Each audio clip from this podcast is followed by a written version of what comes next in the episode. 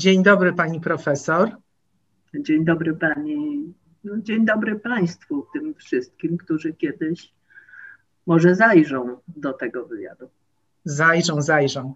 E, dzisiaj naszym e, gościem w Wszechnicy jest pani profesor Maria Halamska, e, związana od wielu lat z Instytutem Rozwoju Wsi i Rolnictwa Polskiej Akademii Od 50.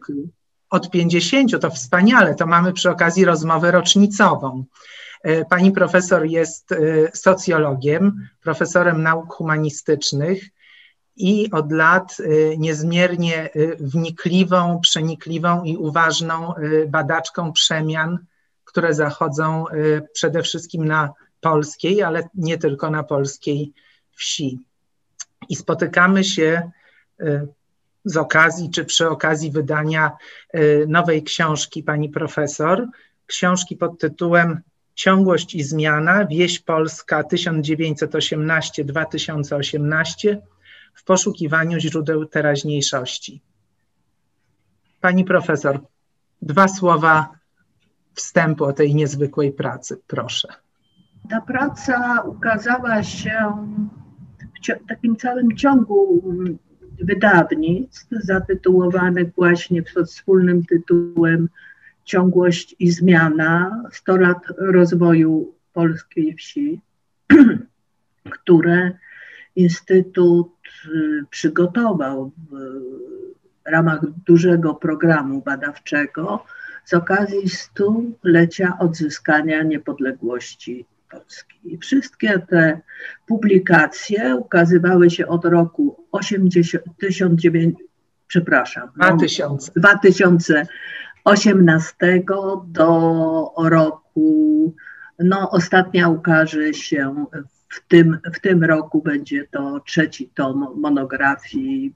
W sumie ta monografia będzie liczyła no, jakieś 1800 stron.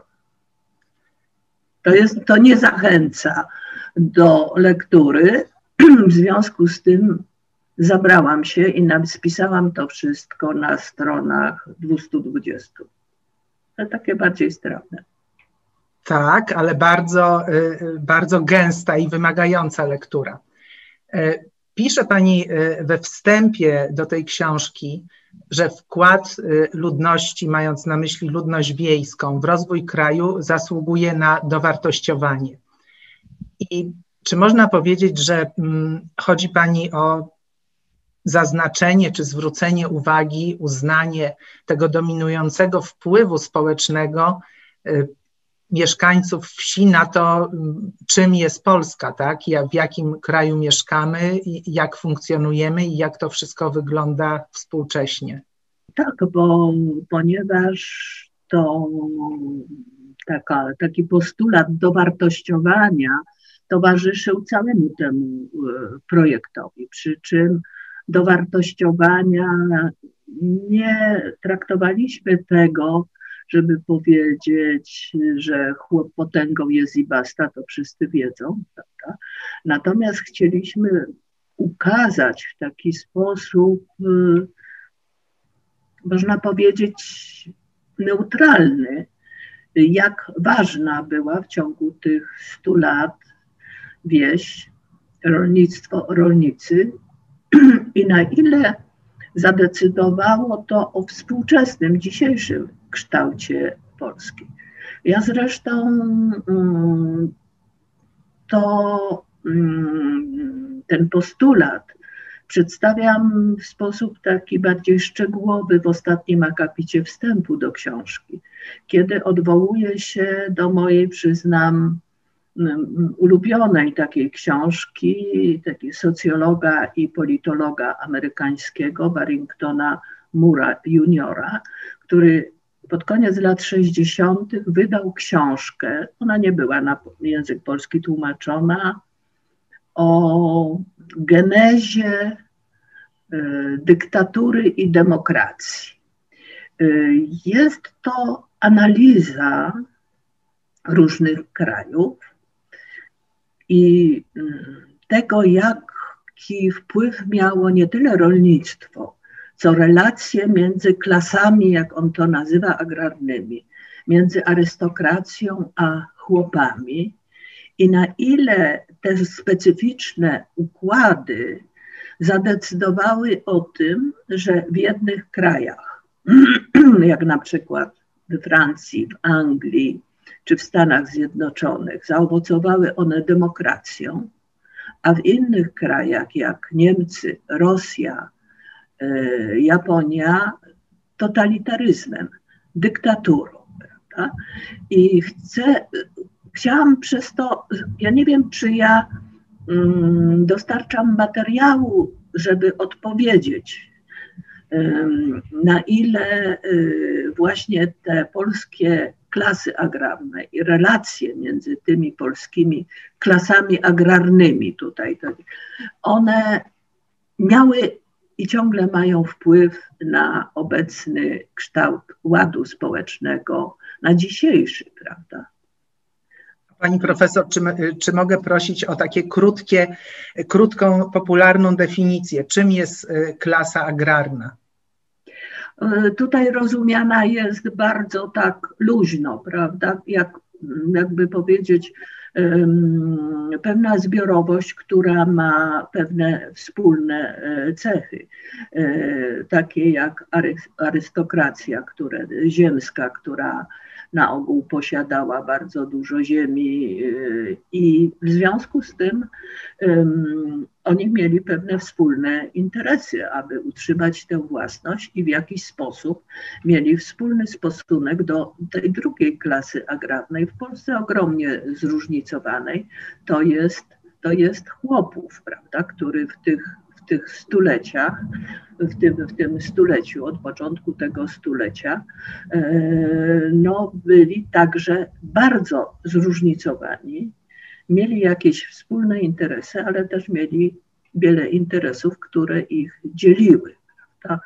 E, no ale to znamy, znamy e, z historii, a te różne interesy to może to tak mówię trochę żartobliwie, wyeksponowały wczesne lata stalinowskie z podziałem e, tych właśnie chłopów na biedniaków, średniaków i kułaków.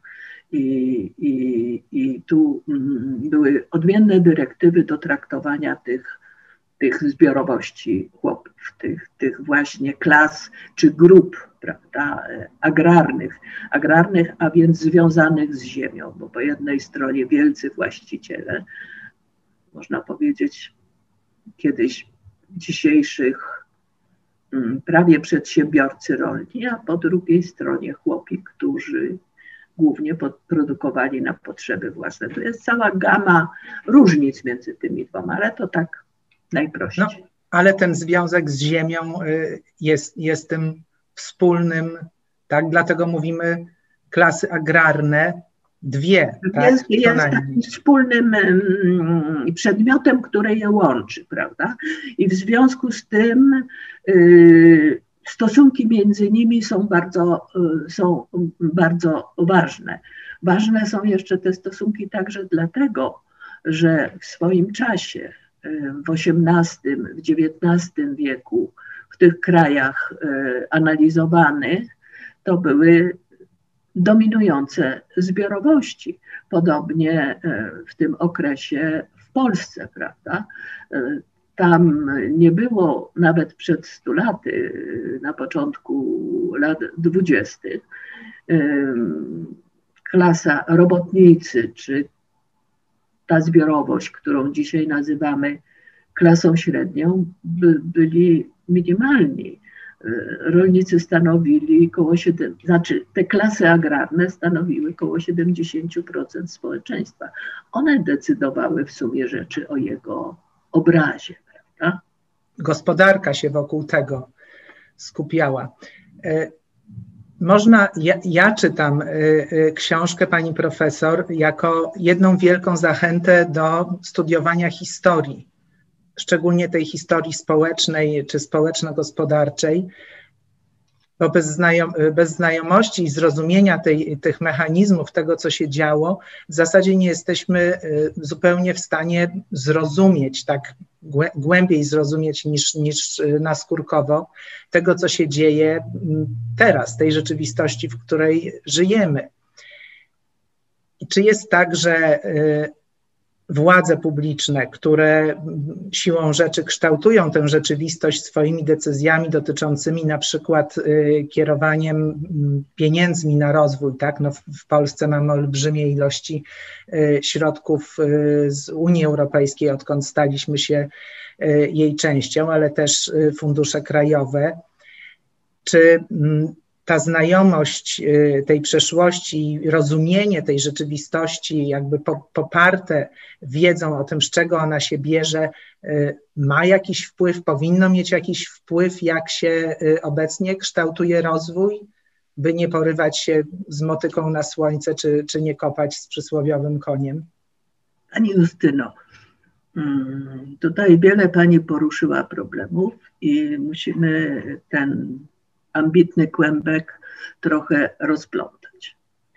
E, zaczęła Pani mówić o tym, jakie, jakie są pożytki ze studiowania historii społecznej. No, z uważnego studiowania, studiowania zmierzającego do, do odtworzenia pewnego znów obiektywnego, tu mówię, obrazu, bo można różnie patrzeć na rzeczy. Nie tak dawno w jakimś y, wywiadzie zapytano mnie, ale czy w czasie pańszczyzny to szlachta y, opiekowała się chłopami. No też, no też, no ale no ale, ale nie tylko. Nie to stanowiło istotę tego układu społecznego, który nazwany był pańszczyzną. Jest to mm, także ważne z metodologicznego punktu widzenia, a myśmy tu w całym projekcie i ja w swojej książce przyjęłam taką dyrektywę metodologiczną profesora Piotra Sztąpki, który mówi o tym, że społeczeństwo cały czas się staje, prawda?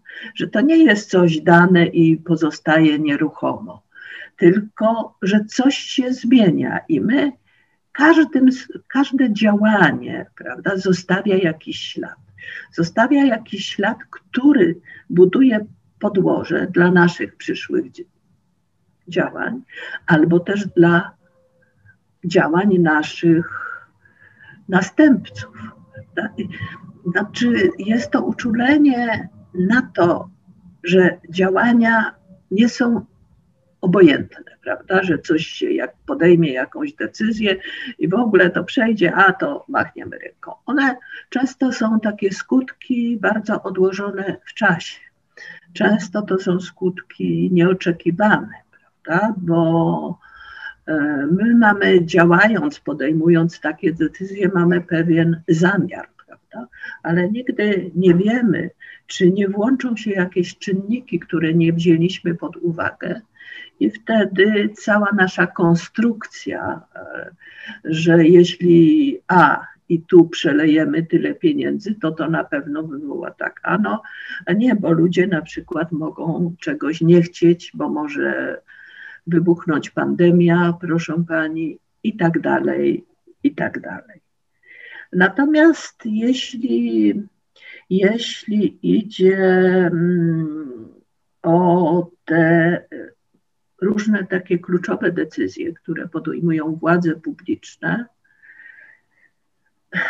to sprawa jest w ogóle bardzo trudna, bo mm, te działania często mają cele nie tylko jawnie sformułowane, ale mają pewne cele ukryte, prawda?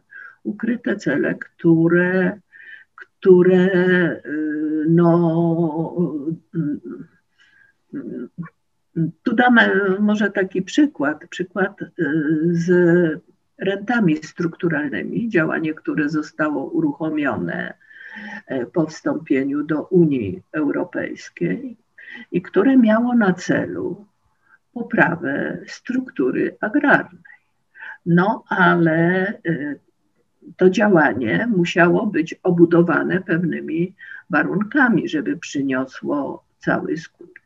Ponieważ w istocie rzeczy było to działanie zmierzające do wsparcia socjalnego, stworzono takie warunki, że ten efekt nie został osiągnięty.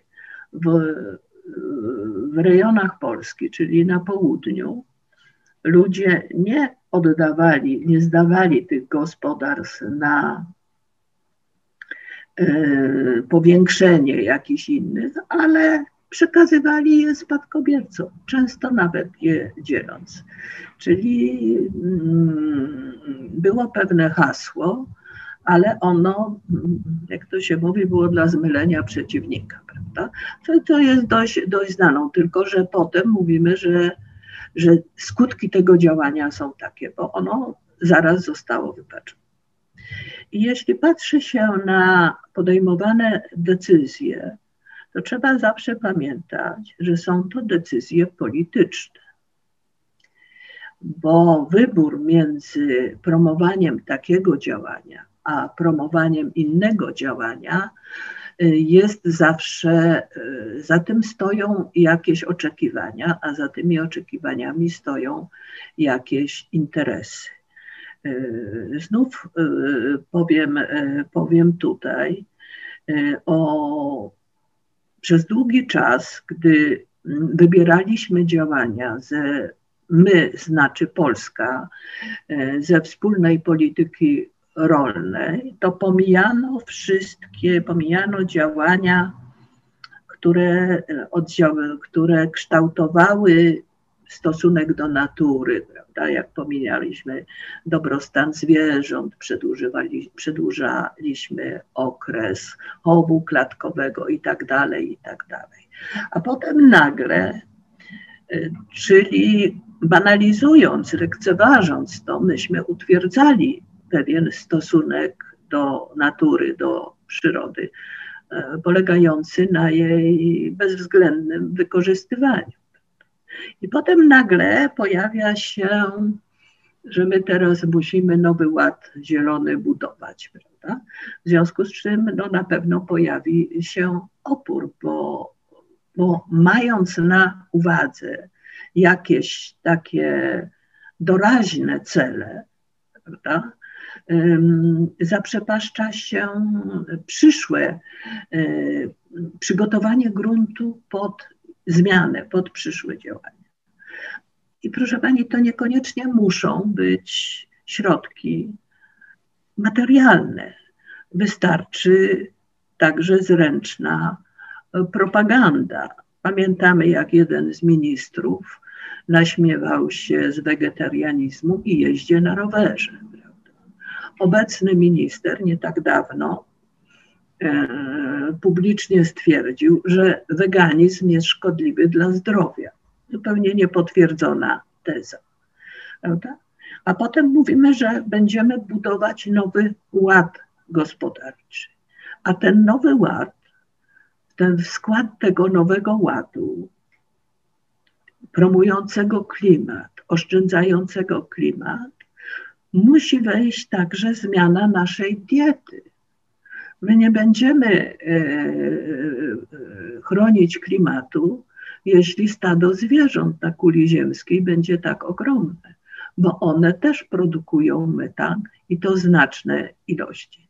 Także nie wiem, czy to z braku wiedzy, czy z braku pomyślunku, czy z braku e, no, innych rzeczy do przekazania odbiorcom, takie, takie treści są e, serwowane. Także, także tutaj e, to jest bardzo, bardzo złożona sprawa i te skutki często trudno jest prze, przewidzieć, ale niektóre, niektóre rzeczy idą, jakby powiedzieć, kierunku przeciwnym. Ja wcale nie jestem taka pewna, czy my do końca zdajemy sprawę sobie, co to jest ten nowy Zielony Ład. może jest jakieś wyparcie i nie chcemy sobie zdawać sprawy, a może też jest wielka krótkowzroczność. Bo przyjdzie taki moment, kiedy już nie, nie da się zamknąć na to oczu, tak? a, a my nie będziemy przygotowani jako, e, jako kraj. Czyli te, te kryzysy, prawda? Mamy, teraz mamy kryzys związany z pandemią, ale mamy szereg, e, szereg innych kryzysów, e, a studiowanie tych przemian wcześniejszych też jakoś y, mogłoby teoretycznie y, przygotować do reagowania w kryzysach, bo, bo z czego ta historia się składa w gruncie rzeczy z kryzysów? No, w gruncie rzeczy y, te kryzysy to one są pewnie cyklicznie występują, prawda? I wtedy właśnie kryzysy pokazują zaniedbania pewne, bo, bo są sytuacje nadzwyczajne, gdzie różne łagodzące środki przestają działać i, i wtedy ujawnia się to wszystko z całą, z całą y, ostrością. Wie Pani, ja tak się zastanawiałam nad tym, zresztą piszę o tym w mojej książce, o stosunku naszym także mieszkańców wsi i rolników do przyrody. I on jest ten stosunek ukształtowany z dwóch stron, prawda? Dwóch ideologicznie można by powiedzieć przeciwnych stron. E, z jednej strony to taki mm, komunistyczny slogan, żeby okiełzać przyrodę, prawda, który się wiąże z, z, marksizmem, a po drugiej stronie jest to nasze katolickie czyńcie sobie ziemię poddaną, prawda?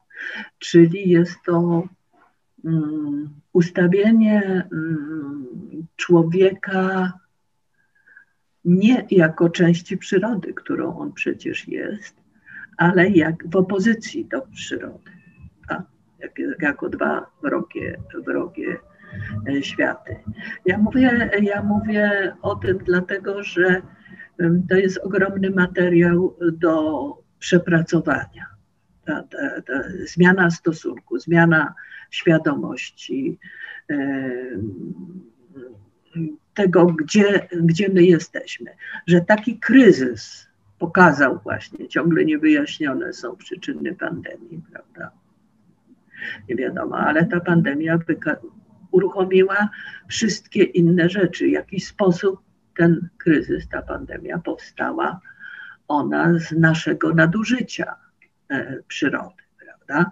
z naszego trybu życia. Prawda? Pandemie występowały, ale nigdy nie rozprzestrzeniały się w taki sposób, w tak szybki sposób, prawda? ponieważ e, nie było tak doskonale technicznie rozwiniętego systemu komunikacji, prawda, które te samoloty, ilość pasażerów, yy, wszystko to sprawiło, że ten wirus rozprzestrzenił się w sposób yy, błyskawiczny, czego, czego nie było jednak w przypadku Hiszpanki, ostatniego takiej, takiej yy, pandemii w Europie na początku, w latach dwudziestych XX wieku. Niewątpliwie powinniśmy to czytać jako duże ostrzeżenie co do tego, jak, jak dalej e, wpływać na rozwój. E, wróćmy może mm, do naszej, e, do naszej wsi i chciałam się spytać Panią, bo widać, widać to w tej książce, też, też w tych studiach, które złożyły się na te, na te dwa gru, grube tomy, że tak naprawdę wieś w Polsce i co specjalistom jest znane i, i, oni to badają, a powszechnie chyba nie do końca jest y, rozumiane, jest y, czymś niezwykle zróżnicowanym. Ja czasem się zastanawiam, czy, czy my wręcz y, mówiąc wieś polska, nie popełniamy jakiegoś rodzaju takiego nadużycia czy uproszczenia, bo my w, w gruncie rzeczy mamy przecież do czynienia z olbrzymią wielością y, tych, tych podmiotów, czy, czy też z, z tym, który jest tak niezmiernie złożony. I tak myślałam sobie o tym, że przecież uznajemy zróżnicowanie y, miast, tak, gdzie myślimy o dużych miastach polskich, nie wiem, Warszawa, Kraków, Katowice, Wrocław, Lublin, to wydaje nam się absolutnie naturalne, że to są, y, że naprawdę one bardzo się różnią między sobą, no choć mają oczywiście pewne podstawowe wspólne cechy y, dużych miast. I przecież mm, gdy to samo rozumowanie zastosujemy do obszarów wiejskich, no to czym innym jest wieś podkarpacka, czym innym Małopolska, Podlaska czy, czy zachodniopomorska. E, jak to jest, pani profesor, z tym zróżnicowaniem? Bo to ma no. wielki wpływ na to, co, prawda, jak, jak żyjemy i jak wyglądamy jako, jako społeczeństwo dzisiaj. Oczywiście, tyle, że ja usiłuję e, uciec od tego określenia wieś polska, e, używając określeniu, określenia wiejska polska. W takim określeniu mieści się także zróżnicowanie, prawda? Ponieważ słowo wieś jest, jest takie w tym znaczeniu ogólnym, mówiący o pewnym stopniu, pewnej charakterze cywilizacji, bo jest to, jest to przecież cywilizacja, e, wychodzi z użycia, mówi się obszary wiejskie. No tylko, że dla socjologa e, analizować obszar, socjolog analizuje społeczności, społeczeństwa analizuje ludzi. Ale e, proszę pani, ja tu zgłaszam pewne zastrzeżenia do tych miast, że one są takie różne ale są, proszę pani, też miasta podobne. Czasem mają niektóre cechy podobne. Pani wie, skąd powstał drut miedziany? Chyba nie wiem. Krakus i Poznaniak znaleźli jednego grosza i tak przyciągali je na swoją stronę. To oczywiście żart. Ale oczywiście, że zróżnicowanie wsi wynika z pewnych mm, także zróżnicowań naturalnych, geograficznych, ukształtowania powierzchni itd., tak itd., tak ponieważ ono, ono mm, to środowisko, powiedzmy sobie, naturalne, ono mm, wyzwoliło w człowieku pewien sposób adaptacji. Inaczej do środowiska zaadoptowali się mieszkańcy gór, prawda? a inaczej mieszkańcy Podlasia, inaczej mieszkańcy Wybrzeża, prawda? a inaczej Wielkopolski. Także mm, jakby natura była pierwotna, ale to wszystko na to, to o różnicach zadecydowała y, kultura. Kultura i poziom rozwoju. Natomiast y, ja chciałabym wrócić y, do mojego, do mojego ogródka i opowiedzieć trochę o zróżnicowaniu, na którym może trochę lepiej, tak mi się przynajmniej wydaje, znam się czyli do zróżnicowania poziomu rozwoju wsi, do zróżnicowania poziomu rozwoju gospodarki, poziomu rozwoju, ale i struktury, typu gospodarki, prawda? a także za czym idzie, bo to są trzy czynniki powiązane, do struktury społeczno-zawodowej. I mamy w Polsce mm, takie, co bada e, szczegółowo bardzo u nas w Instytucie pani profesor Monika Stany e, na poziomie bardzo małych jednostek, że te jednostki, w tym przypadku gminy, analizowane poprzez wiele różnych wskaźników, przedstawiają różny poziom rozwoju. Poziom rozwoju od niskiego do bardzo wysokiego. Z tym poziomem rozwoju w pewien sposób jest skorelowany, połączony typ gospodarki, prawda? Bo na przykład taka typ gospodarki oparty na rolnictwie tradycyjnym zawsze jest związany z bardzo niskim, z niskim poziomem rozwoju tych rejonów, tych społeczności. I, a ponieważ rolnictwo dominuje tam, to mamy także określoną strukturę zawodową. Tam są rolnicy, prawda? Tam są przede wszystkim rolnicy. Tam nieczęsto występują robotnicy, a już przedstawiciele tak zwanej klasy średniej, czyli pracujących, posiadających wykształcenie i posiadający na, na, pracujący na stanowiskach kierowniczych, wysokich bądź, bądź niższego szczebla, są tam tylko śladowi. Prawda? I sama ta kompozycja społeczna, ona nadaje także pewną dynamikę, prawda? Kto inny działa w organizacjach społecznych, inne podejmowane są inicjatywy i tak, i tak dalej. I co jest takie bardzo ciekawe, że mm, te takie typy i gospodarcze, i struktury społecznej są mm, występują pewne prawidłowości ich rozmieszczenia w przestrzeni Polski. I najprostszy taki schemat przyjdę, że mówiąc, jak patrzymy na Polskę, to prawie przez jej środek przepływa nam Wisła od południa aż, aż do Gdańska. I regiony po prawej, na pra, po prawym brzegu Wisły są na ogół regionami niżej rozwiniętymi, są regionami, gdzie większy udział w gospodarstwie ma rolnictwo, zwłaszcza rolnictwo tradycyjne, i gdzie jest bardzo znaczny w, w tej wiejskiej Polsce udział rolników. Dotyczy to przede wszystkim byłego, ziem byłego zaboru rosyjskiego, e, tak zwanego, tak zwanego królestwa. Po lewej stronie Wisły, w części ziem, prawda, które, które przed, y,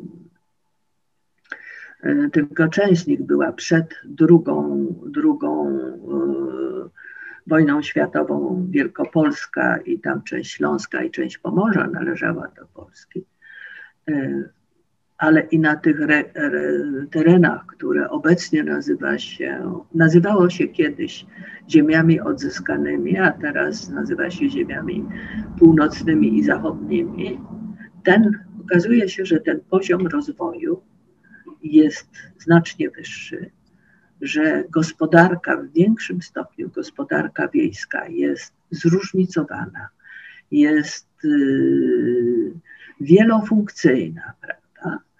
A w strukturze społecznej rolnicy występują o wiele, o wiele rzadziej. To jest jedna reguła, prawda?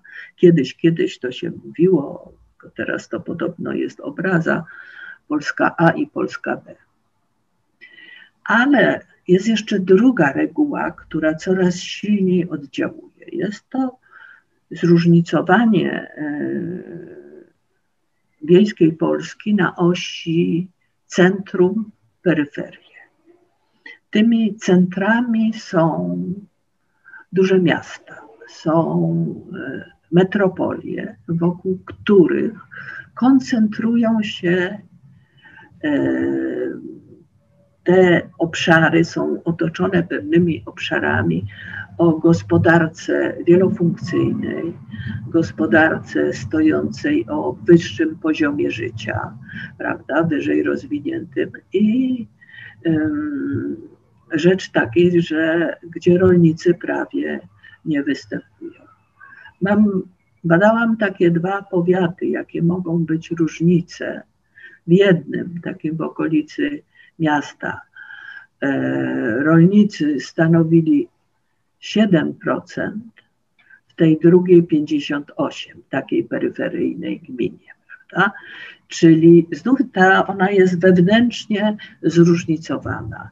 I jeśli przedtem to takie terytorialne pozaborowe, bo to jest jeszcze pozaborowe zróżnicowanie, było bardziej widoczne, to zróżnicowanie odbijające się na osi, y, które, przebiegające wzdłuż Wisły, to teraz siła wpływu tych metropolii no, kształtuje nowy typ zróżnicowania.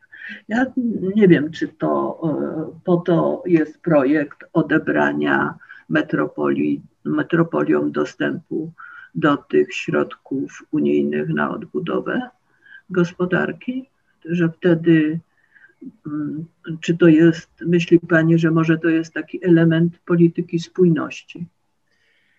Nie wiem, wolę, wolę nie myśleć na ten temat. Wydaje mi się, że mm, że trochę jest tak, zresztą pani też o tym pisze i, i, i to się pojawia y, i w dawniejszych pani pracach, i, i w pracach pani y, koleżanek i kolegów y, z Instytutu, no, że jednak wieś mm, zatraca nieuchronnie ten swój rolniczy charakter, tak? Nawet to, to się dzieje szybciej lub wolniej.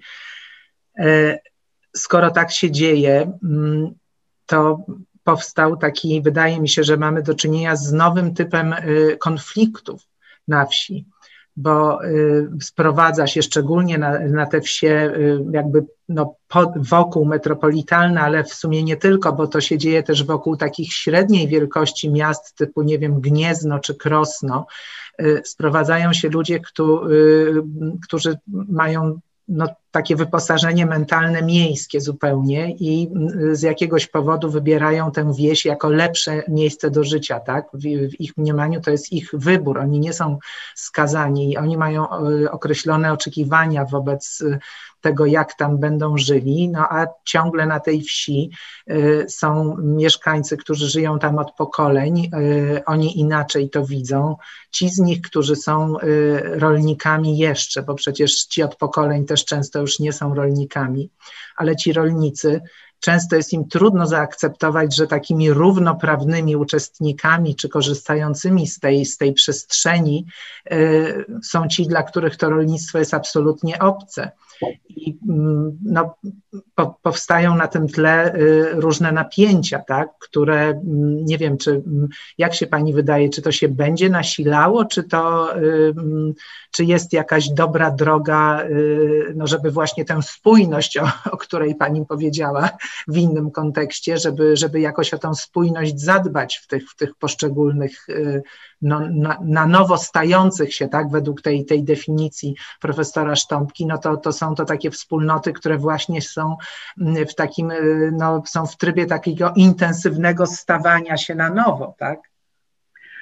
E, proszę pani, jak to powiedzieć, to jest problem dość powszechny, ale wiąże się to z pewnym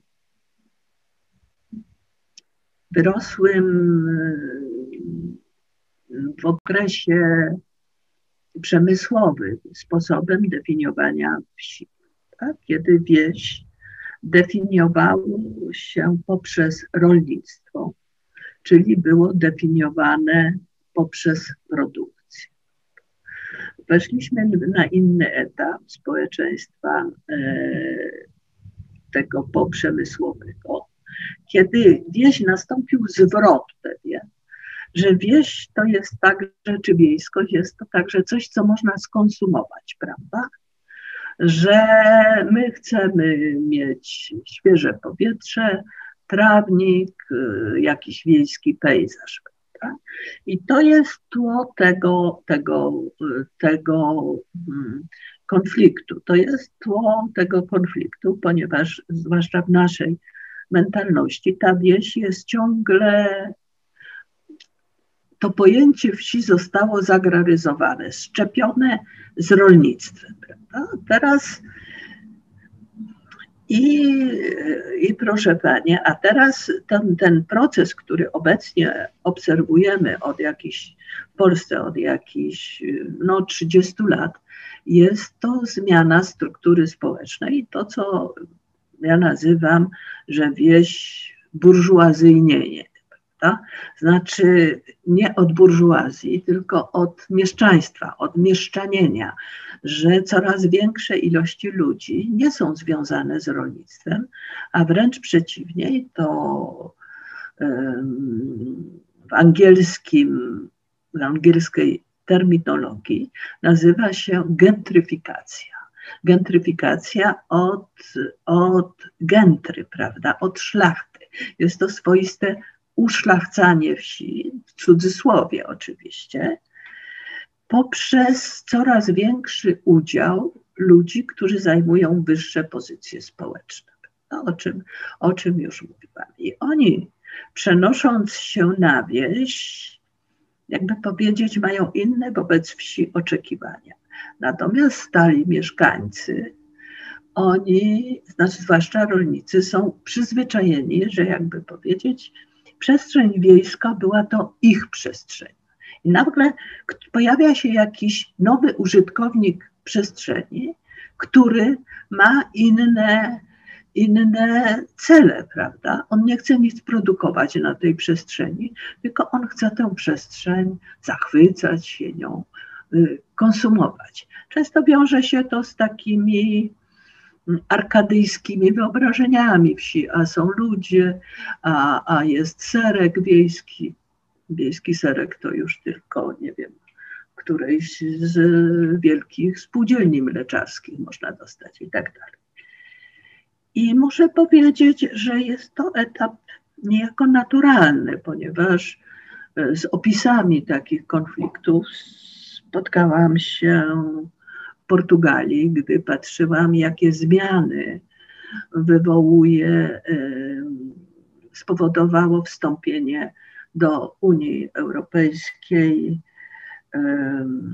ten właśnie zapytałam w tytule, ponieważ wiele mechanizmów działało inaczej niż w dawnych krajach Unii. Czy ten, ten model portugalski jest dla nas wzorem czy przestrogą, prawda?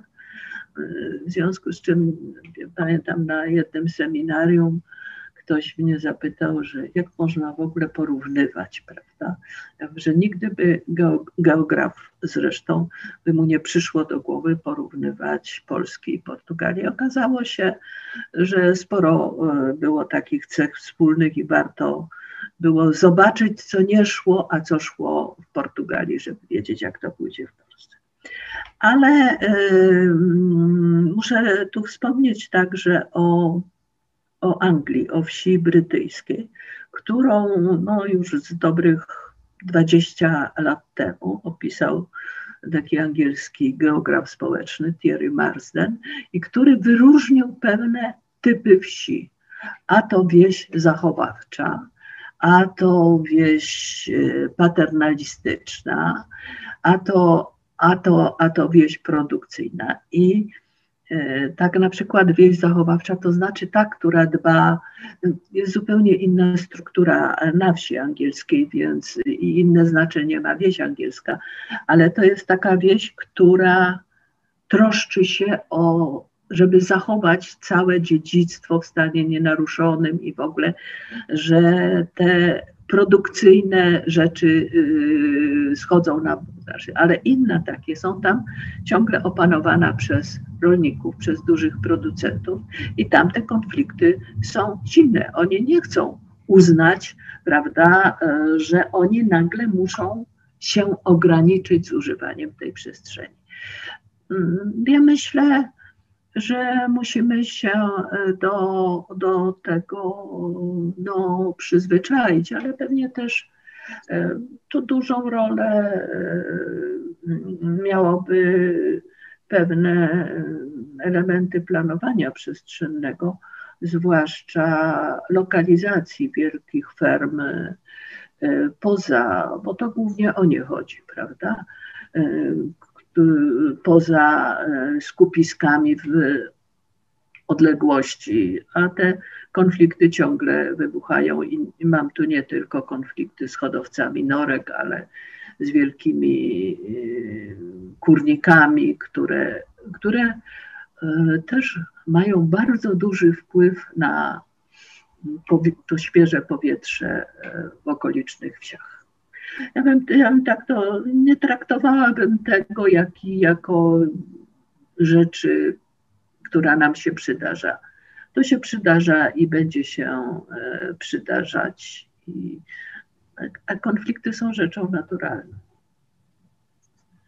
Ważne tylko, żeby umieć jakoś y, prawda, konstruktywnie jednak je nie udawać, że ich nie ma, y, tylko się z nimi zmierzyć i no to, są, to są wielkie zadania y, dla władz lokalnych, tak? no bo to, to planowanie przestrzenne przecież leży, leży w gestii mm, samorządów. Tak? Właśnie w gestii samorządów i jakby powiedzieć, często decyzje są podej przez samorządy podejmowane e, w sposób, by tu powiedzieć, taki nieprzejrzysty. Nie, nieprzemyślany, ja bym powiedziała. Przypominam sobie taki, mm, takie seminarium, na których gość e, nasz z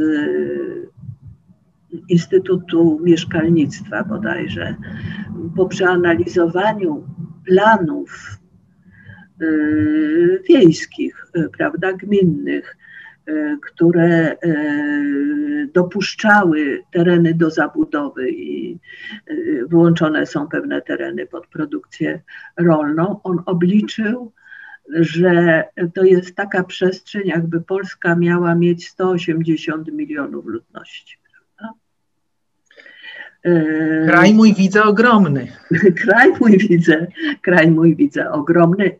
Ma to, ma to, ma to swoje konsekwencje właśnie w, w planach przestrzennego, te plany przestrzennego zagospodarowania, no, nie regulując nic, wprowadzają chaos. Prawda? Może jesteśmy tak zauroczeni wolnością, ale e, na przykład to potem podraża koszty elektryfikacji, koszty kanalizacji, koszty wodociągów, koszty gazyfikacji i wszystkiego, i wszystkiego, i wszystkiego innego, budowy dróg, etc., etc. Także to jest, to jest oddzielny, oddzielny problem. A jeszcze e, wracając e, do rolnictwa, jak pani profesor myśli tak no, w, taki, w takiej mm, perspektywie, nie mówię pięćdziesięcioletniej, ale takiej y, wyobrażalnej, nie wiem, y, dziesięcioletniej, y, jak się w Polsce może ułożyć relacja między tym rolnictwem reprezentowanym przez gospodarstwa rodzinne, tak, których przecież mamy jeszcze dużo, a tymi mm, przedsiębiorstwami rolnymi, y, które no wydają się być właśnie, jak, jak mówimy o tych y, na przykład y, kurnikach wielkich, czy, czyli fermach drobiu, tak, czy mm, przemysłowej hodowli świń, to to budzi y, bardzo dużo emocji i, i sprzeciwu w gruncie rzeczy. Mm, również wydaje się, że często tych y, rolników rodzinnych, tak, z różnych, z różnych powodów, wydaje się to być y, no, zupełnie inną formą gospodarowania, tak, innym, inną częścią gospodarki. Ja, co pani myśli na ten temat? Jak to, będzie, jak to się będzie układało? Panie to jest, to jest tu sprawa, tu sprawa jest złożona, prawda? bo niby w tym nowym proponowanym Zielonym Ładzie, prawda, który uwzględniałby wymagania środowiska naturalnego, uwzględniałby dobrostan zwierząt, to jest, no to byłoby y, który przeciwdziałałby erozji ziemi, wyjaławianiu e, przez monokultury i, i, i tak dalej, i tak dalej. Natomiast tworzenie, powstawanie tych przedsiębiorstw wielkich, które istnieją e, w Polsce, ich jest stosunkowo niewiele, ale które istnieją w rolnictwie europejskim, to nie jest, e, trzeba powiedzieć, to nie jest z głupoty wszystko powstało, tylko to miało swoje bardzo racjonalne podłoże. Prawda? Jeśli się popatrzy na powstanie i mechanizmy polityki rolnej, prawda, to ona promowała w początkowym okresie intensyfikację produkcji, wzrost, wzrost obszaru i tak dalej. Używała szereg instrumentów. Ale dlaczego? Ano dlaczego, że nie można rozpatrywać wsi i rolnictwa oddzielnie, prawda? To rolnictwo miało do spełnienia pewne funkcje w społeczeństwie przemysłowym społeczeństwie, które, które się, europejskie społeczeństwa, zmieniały się od wieku XIX, prawda? I przyszły taki moment po wojnie, prawda, kiedy nie było jedzenia i trzeba było wymyślić jakąś taką politykę, prawda, która to polityka dostarczałaby dużej ilości względnie taniej żywności, prawda? Taniej żywności, żeby te płace w przemyśle nie mogły, nie, nie, nie to, jest, to jest pewien kontrakt łączony, prawda, w gospodarce, że to, to tanie jedzenie to jest y, także kosztem, ono mogło popychać industrializację doszliśmy, doszliśmy do, do pewnego okresu i są pewne tego, tego zaszłości. Natomiast ja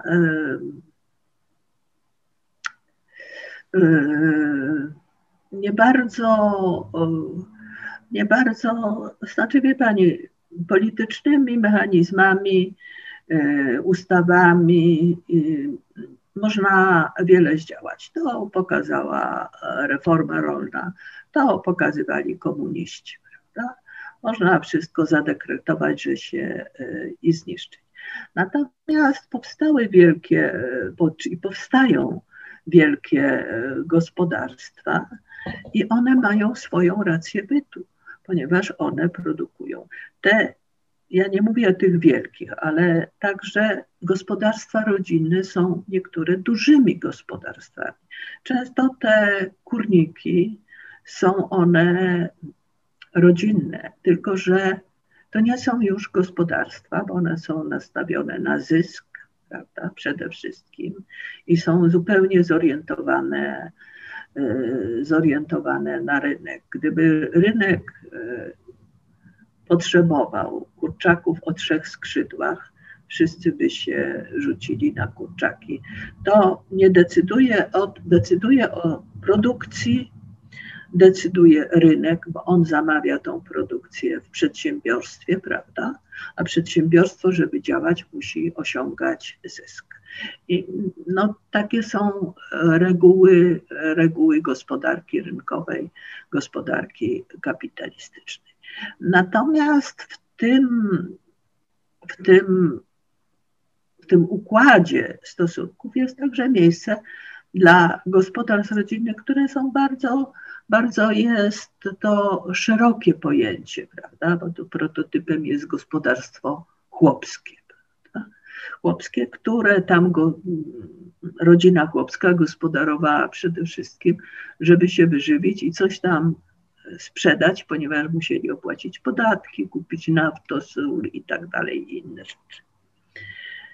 Natomiast co jest istotą mm, gospodarstwa rodzinnego, że tam są pewne takie reguły, że środki produkcji, czyli ziemia i najczęściej jakieś budynki, maszyny, one należą do rodziny. Rodzina zapewnia przynajmniej większość pracy i zarządzania. Prawda? I to daje gospodarstwom rodzinnym dużą elastyczność, prawda? Ponieważ jeśli gospodarstwo nie funkcjonuje w oparciu o płace, prawda, to w roku wzmożonych inwestycji tą konsumpcję rodzina może zwężyć, prawda? Bo oni wiedzą, że to się odbije za dwa, 3 lata, co jest raczej niemożliwe w przypadku pracowników najemnych, których łączą różne, różne kontrakty. I tych gospodarstw rodzinnych jest w Polsce, no nie wiem ile, prawda, ponieważ nie ma takich statystyk. Statystyki mówią o gospodarstwach prywatnych, a nie jest to to, to samo, te 1400, które są e, w statystykach agencji wypłacającej dopłaty bezpośrednie. Milion chyba. E, milion, milion czterysta. Mi, mi, ja powiedziałam czterysta. Milion. Tysiąc, tysiąc czterysta. Milion czterysta. No, no milion czterysta, dziękuję. E, są tam takie gospodarstwa, które nic nie produkują, prawda, które tylko odłogują, można powiedzieć, ale są też gospodarstwa, e, które są przedsiębiorstwami, prawda.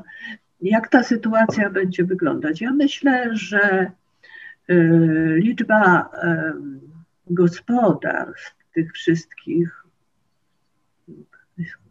nie wiem ile tam jest, kilkaset tysięcy jest takich, które w istocie rzeczy nie prowadzą produkcji i jest to no, pewne marnotrawstwo, jest to marnotrawstwo ziemi. Tyle, że one będą znikać w takim cyklu, e, proszę Pani, kilkunastoletnim, bo one są nieraz na siłę prowadzone, nieraz przy pomocy z przyzwyczajenia, nieraz poprzez starszych y, ludzi, którym pomagają, synowie, dzieci pomagają, ale które pomagają nie dlatego, żeby utrzymać gospodarstwo, tylko z sentymentów rodzinnych, prawda? I, tu jest pewien, pewien problem, jak tę ziemię e, zagospodarować, prawda? Jak dokonać rzeczywistej koncentracji. Bo przecież na wsi dokonuje się teraz dzika koncentracja ziemi, bez żadnych reguł, prawda? A którą, i znów tutaj widzimy pewną nieprzewidzianą funkcję, które pełnią dopłaty bezpośrednie obliczane na hektar. Przecież istnieje cały system, ogromny system takich szarych dzierżaw, prawda? Kiedy właściciel ziemi dostaje e, dopłaty, prawda, z agencji i opłaca podatki, natomiast oddaje ziemię w użytkowanie i ta ziemia, co wnosi ten dzierżawca, oprócz korzyści, a no to, że ta ziemia jest uprawiana, prawda? I w gminach, gdzie e, znam takie gminy, gdzie taki dzierżawca na lewo zgromadził, ma gospodarstwo, które ma 200 hektarów, 300 hektarów, że one, one często na połowie powiatu te różne kawałki ziemi, ziemi użytkują prawda? Ale są też takie kawałki, które są zarośnięte, które wypadają z produkcji. I to, mm, i to, e, to jest właśnie dysfunkcja pewnego mechanizmu, mm, który właśnie tak zadziałał, prawda, a miał poprawić e, warunki e, bytowe rolników. A w istocie rzeczy, to co pani Mm, pytała, e, wytworzył mechanizm rozbijający, prawda, różnicujący wieś, czyli osłabiający jej spójność. Takie są przewrotne działania różnych, różnych mechanizmów. To jeszcze jako ostatnie pytanie, czy myśli Pani, że się dowiemy Y, czegoś, co jakoś istotnie zmieni y, nasze postrzeganie, no na przykład tego, jak wyglądają te gospodarstwa mm, z powszechnego spisu rolnego, bo chyba jesteśmy y, w roku spisowym. Tak, jesteśmy w roku spisowym. I mam nadzieję, że na przykład ten spis będzie uwzględni też wykształcenie i inne, czego nie było w poprzednim spisie, co bardzo utrudnia wszelkie, wszelkie analizy. Wie Pani, to wszystko zależy od tego, od instrukcji spisowych oraz od instruktażu dla yy, ankieterów. Tych y, rachmistrzów rachmistrzów spisowych. Rachmistrzów spisowych. I, i, I ja pani powiem, mm, że nie wiem, musielibyśmy się radykalnie zmienić, żeby nagle wszystko spisać tak, jak, jak to istnieje. A to w wielu przypadkach skończę anegdotę odpowiedź na to, na to y, pytanie że gdy się popatrzy do bazy danych BDL na poziomie lokalnych, bazy danych lokalnych, to i popatrzy się na wykaz podatników w gminie, to ja, ja dzwoniłam nawet do takiej gminy, kiedy moja magistrantka e, powiedziała, że różnica jest 500, e, 500 jednostek między gospodarstwami więc myślę sobie, coś ona tu źle zadzwoniłam do tej gminy, przedstawiłam się do pani sekretarz i ona z kolei bardzo się zdziwiła, skąd oni w tym spisie, w tych danych, e, banku danych lokalnych wzięli taką liczbę. Nie wiem, czy to tak będzie, ale ja sama, sama e, doświadczyłam procedury spisywania e, w spisie rolnym. To był spisie rolnym ponieważ byłam nie do końca właścicielką e, prawie hektara e, ziemi, którą niby użytkowałam. Ciągle tam figuruję jako, jako właściciel tej, tej działki. I przyszła, przyszedł, e, przyszła rachmistrzyni spisowa. O, to tak trzeba mówić.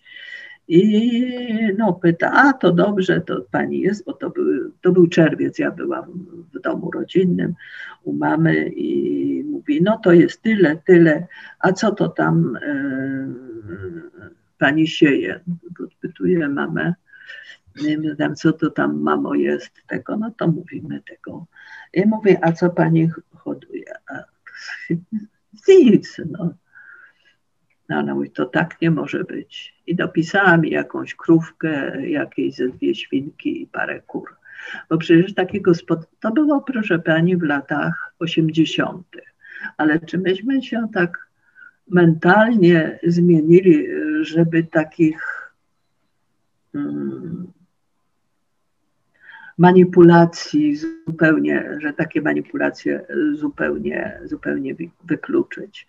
Znaczy, cała rzecz jest i w kwestionariuszu spisowym, i w instrukcji spisowej. O co będzie, będzie się pytać i jak traktować. Ale sama wiem z badań, z doświadczeń, że bardzo trudne jest uzyskanie odpowiedzi na pytanie, no to na ilu hektarach pan gospodaruje? Bo e, taki rolnik mówi, ile jest jego, prawda? A jego może być hektar, a on może gospodarować właśnie na tych 50 hektarach. Także mam umiarkowany optymizm, prawda, że może przyniesie pewne, pewne ale, ale tu wiedząc jak trudno zmienia się i długo mentalność, to jest pewne ryzyko. Tak, no o tym, o tym też są te książki, prawda? Jak, jak trudno i, i długo to się zmienia, i to będzie chyba dobra puenta naszej rozmowy. Bardzo dziękuję pani profesor i już liczę na następną rozmowę.